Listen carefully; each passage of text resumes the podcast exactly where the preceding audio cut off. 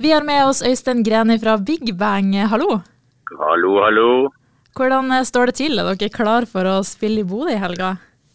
Vi er jo det. Da vil jeg si, eller påstå at vi også er varme i trøya. da vi, spilt, vi starta i Skien på onsdag, spilte Hamar. Og så er det jo Driv i Tromsø. Og så marsjfarten skal være i gang til Bodø, altså. Hva kan man forvente fra kvelden? Nei, det, det blir mye kanoner og fyrverkeri. Elefanter, kameler og isbjørn på kor.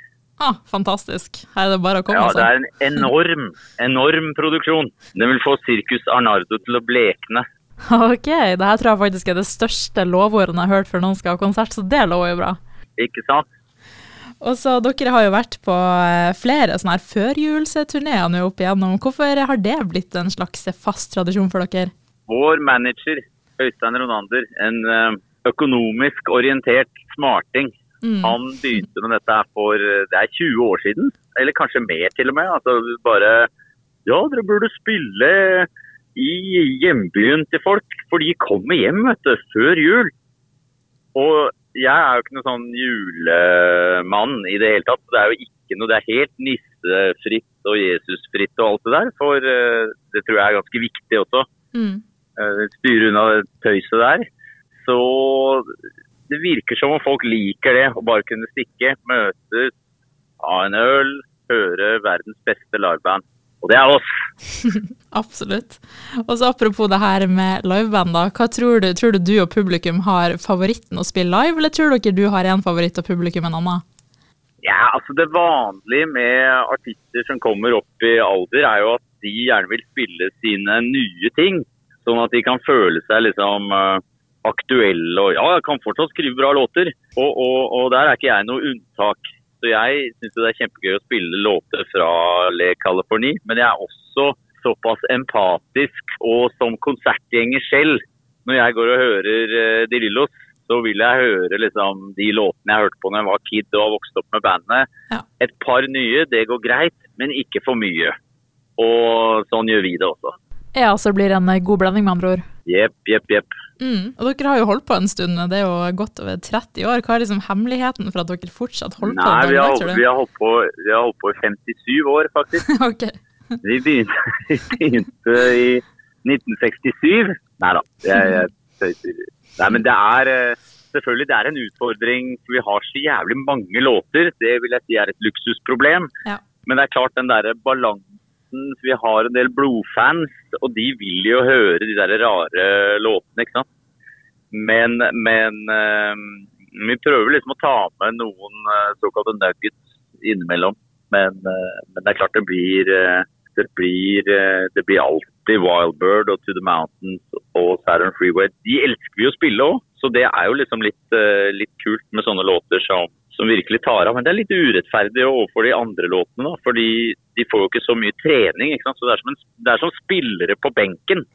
Så de som blir brukt mye, blir jo enda bedre, og de som sitter på benken, blir dårligere. Var, var det en bra analogi? Ja, det syns jeg var godt sagt. Og de her blodfansa du snakker om, hvem er den gjennomsnittlige fan av Big Bang? Alder, bakgrunn osv., hvis du kunne liksom pinpointa det? Jeg har møtt folk Altså Det er ganske stort spekter. Det som, i hvert fall sånn min vurdering av vårt publikum, er at de er litt over gjennomsnittet musikkinteressert. Så det er veldig mange folk som spiller selv, som syns Big Bang er kult.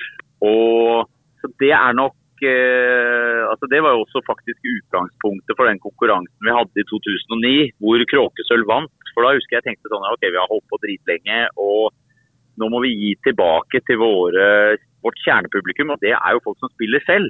Så da var det liksom send inn, bli med, varme opp.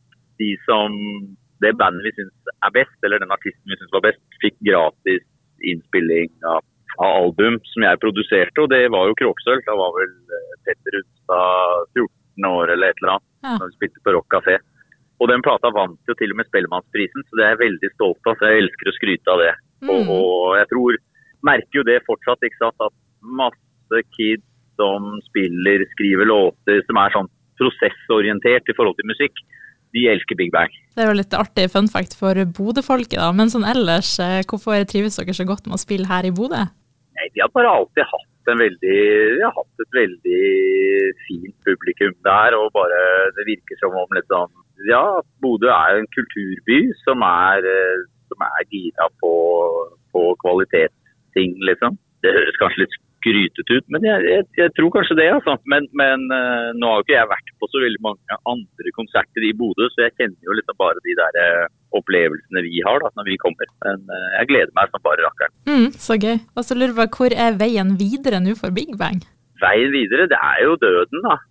Som det er for alle. Men vi prøver jo å tyne det, gjøre det så sakte og gøy som mulig før vi ligger i kista. Ja.